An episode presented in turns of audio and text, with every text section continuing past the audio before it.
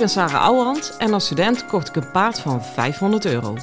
Toen hij 22 was, startte ik hem Grand Prix. Hij had nog nooit aan de teugel gelopen, dus het ging allemaal niet vanzelf. Het enige wat ik zeker wist was: never quit.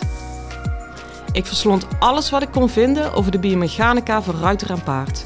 Dat testte ik net zo lang totdat ik wist wat echt werkte. In deze podcast leer ik jou alles over je rijtechniek, je houding en zit en je mindset. Want ook jij kan naar de Grand Prix gaan, zelfs als je geen miljoenenpaard hebt.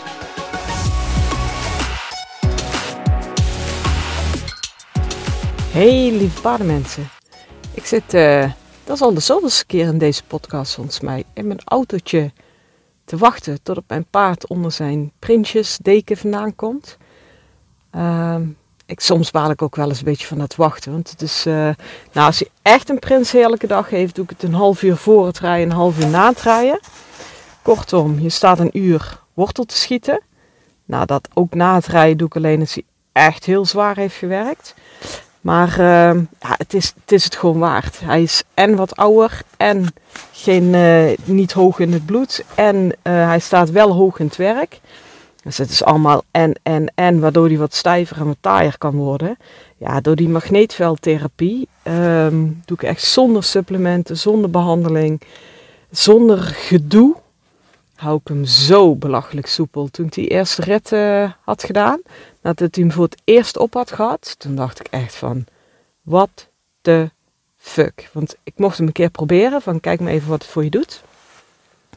Toen dacht ik, ja, weet je, ik sta sowieso overal voor open. Aan de andere kant, eerst zien, dan geloven. Dus ja, uh, whatever, ik zie wel.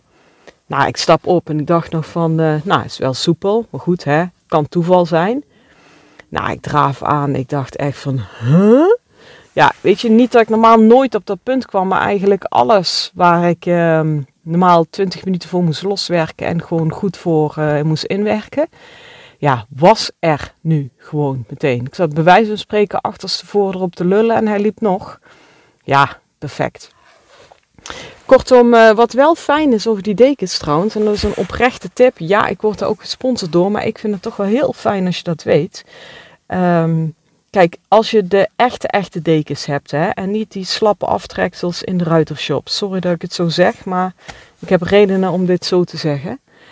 Um, nou, dan ben je dus ook 6000 euro lichter. Dat is ook een andere prijs. Zelfs ik, terwijl ik er behoorlijk professioneel in sta, denk van, moi, voor één paard doe ik dat niet zomaar. Maar wat nou super fijn is, je kunt hem ook huren. En dan vind ik het echt te overzien. En is het 2,75. Hou me even ten goede op het bedrag hoor. Per maand. Ja, dat is nog geld. Nou, sowieso, als je een bedrijfje in de paarden hebt, dan kun je het op je, op je werk zetten. Um, maar ja, laat eens een dierenarts komen of een fysio of kopen supplementen. Ik bedoel, uh, en dit kan je gewoon dag in dag in gebruiken. Anyways, tot zover uh, mijn promo-praatje. Maar um, ik, als je al lang aan mijn podcast luistert, dan kan je denk ik ook wel inschatten als ik er niet achter sta, dat ik het dan ook echt niet naar buiten breng. Ik ben zelfs met één, en dat was echt een groot merk, daar ben ik mee gestopt. Omdat ik daar echt niet meer achter stond. Ja, het is leuk dat ik die naam kan voeren, maar moi. Dus uh, het moet nog voor jou werken, hè? laat ik dat vooropstellen. Geen enkel paard is hetzelfde en geen enkel effect is hetzelfde. Maar het is wel het proberen waard.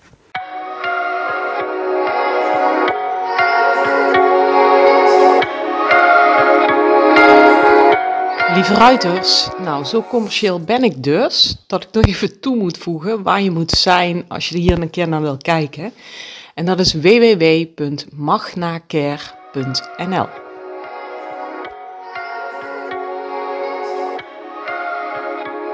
Righty. Dan uh, over naar iets uh, wat eigenlijk best wel veel voorkomt. Vroeger ging daar heel veel over. Ik hoor eigenlijk bijna nooit meer iemand daarover. Het zijn de kapstoktenen. Het is gewoon heel simpel als de voet, de tenen naar buiten zijn gedraaid. Hè? Uh, hoe komt het? Is het erg? Mag het? En hoe los je het op? Nou, hoe komt het? Nou, laat ik, dit, mag, als je me een tijdje volgt, geen verrassing meer zijn. Het komt uiteraard niet uit je voet. Het is een uh, meestal, meestal, meestal, heeft het te maken met een beperking in je uh, heupen. Dus omdat bovenin de heup en het bekken onvoldoende kan openen, uh, geeft eigenlijk die voet onderaan een beetje een draai eraan. Ja, hoe moet ik dat zeggen? Voel gewoon eens even in je been en je heup wat er gebeurt. Draai je tenen nou eens naar buiten.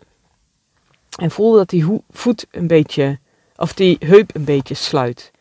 Nou, dat is ook onomkeerbaar als je uh, je heup te veel gesloten is of daar te weinig ruimte zit, draait die voet automatisch wat naar buiten. Want als je je voet recht houdt, loop je tegen die beperking in je heup. En ik zeg heup, maar ook bekken, onderrug en misschien zelfs bekkenbodem aan.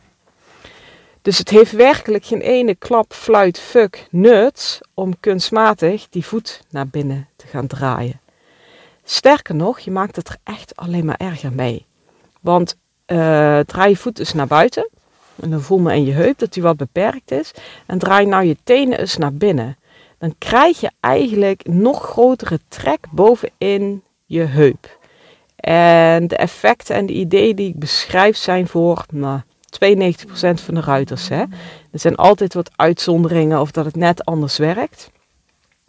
Maar um, als je lichaam vanuit die. Uh, ik wil te veel zeggen, sorry. Als je lichaam het signaal geeft aan die voet, door die voet. Joh, ik heb te weinig ruimte in mijn bek- en onderruggebied.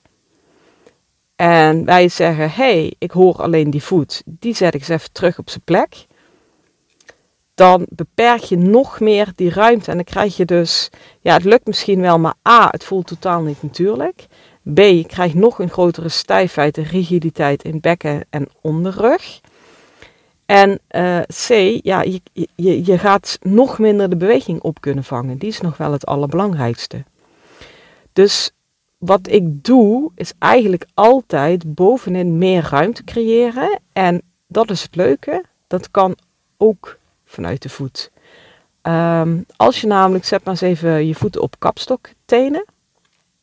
Nou, als je dit op wil lossen, vanuit de goede spiergroepen en het goede effect in jouw lichaam, dan moet je niet je tenen naar binnen draaien, want dat is een absolute killer voor de hele ruimte en het volgen van je beweging. Maar wat je dan moet doen, is je hakken naar buiten draaien.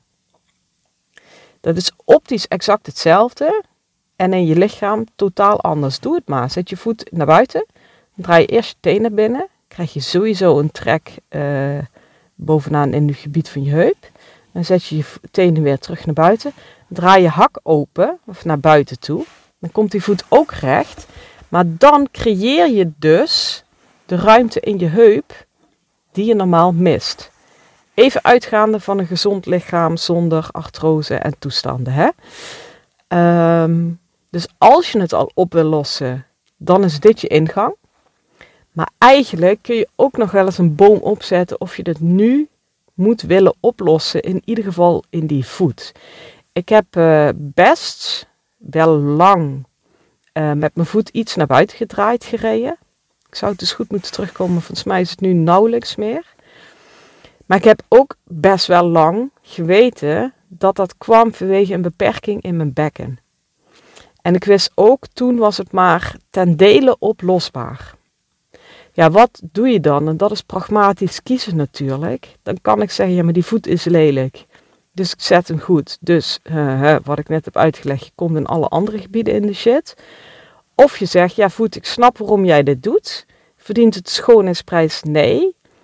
Maar het is nu, op dit moment, de meest functionele houding die ik heb. En dus is het toch goed. En uh, dat zag je dan ook wel aan mijn rijden. Daar heb ik ook een keer een nieuwsbrief over verstuurd. Dan zie je een plaatje naar mijn paard. Ik zeg het niet snel, maar die loopt echt magnifiek. Dus je denkt, wow, wow, wow, wow. En uh, dan kijk ik naar mijn been en denk, hé, hey, die klopt eigenlijk niet. En toch klopt het. En dat is dit, omdat ik op dat moment niet meer ruimte had in mijn bekken. Weet je, ze hebben ook uh, bij Edward Gal ontzettend gezeurd over zijn kapstokvoeten. En daar heeft hij ook nog echt wat aan gedaan. Ja, ik heb altijd gedacht van, jongens, wat een beperkt plaatjesdenken is dit. Weet je, ja, natuurlijk, je moet het allemaal zo mooi mogelijk. Maar als ik kijk naar hoe diep Edward in zijn bekken kan komen en de functionaliteit daarvan, zelfs bijna te veel. Want dat is één van de redenen waarom hij het voorbeen zo eruit kan rijden zonder dat hij net niet het achterbeen erbij pakt. En no offense hoor, want ik ben by far niet iemand die nu een van de topruiters gaat afbranden of die eerst op zijn knieën viel voor Edward en Totilas en uh, nu geen spaan van hem heel laat, want daar vind ik echt wat van. Maar puur even functioneel naar hem toe heb ik het altijd al gewoon uberdom gevonden om te zeuren over zijn voeten als je kijkt naar de rest van zijn functionaliteit. Hij is er ook nog wat aan gaan doen ook. Nou, ik had heel graag bij dat proces geweest, want ik vraag me echt af of hij daar beter van was geworden. Dat, dat snap je nou ook, hè? En, en wat ook een belangrijke is, op het moment dat je toch die tenen naar binnen gaat draaien, blok je je knie. Dat kan niet anders, want die knie moet aan die voet trekken van, nou vriendje, jij moet daar blijven, terwijl je eigenlijk naar buiten wil. Ehm, nou, als je gewoon heel graag een totale killer wil hebben voor de afwikkeling van het voorbeen van je paard, moet je je knie gaan blokkeren. Want we maken heel veel uh, poeha tegenwoordig over zadels. Dat moet allemaal perfect precies goed liggen. En terecht. Die mogen zeker niet op de schouderbladen drukken. Er moet heel veel schoudervrijheid zijn. En terecht. Maar wat dacht je van je eigen knieën? Als jij die dan alsnog blokt, dat is exact hetzelfde als dat een boom van een zadel of een zadelpunt op dat schouderblad zit te drukken. Dus dan heb je je kapitaal uitgegeven in het zadel en dan heb je uiteindelijk nog niks. Uh, dus ook dat is een reden om lucht te geven aan die voet wat hij wil doen en een laag dieper te kijken en veel uh, gefundeerder, gefaseerder kijken. Nou, bij mij, ik zei het al, het heeft drie, vier jaar geduurd voordat ik die ruimte in mijn bekken had. Want uh, ja, je kunt wel lompweg in je bekken gaan trekken, maar dat is een proces. Dan moet, ja, als je daar fundamenteel ruimte in wil creëren, dan heeft dat gewoon even tijd nodig. Uh, en tot die tijd ben ik geneigd om te zeggen: laat die voet even doen wat hij wil doen. Binnen bepaalde grenzen na, natuurlijk. Het is in ieder geval nooit zo dat die voet de oorzaak is. Op voetafwijkingen na. Die voet is toch altijd een gevolg. Dus maak je niet druk en uh, ga aan de slag met waar het echt over gaat. Okido. En uh, voor nu wens ik jullie echt een hele fijne dag en veel plezier met je paard. Hoi! Lieve ruiters, dit was hem weer voor vandaag. Waardeer je mijn tips? Geef me sterren op Spotify en iTunes. Dat voelt voor mij als een dankjewel. En geef je paard een knuffel van me.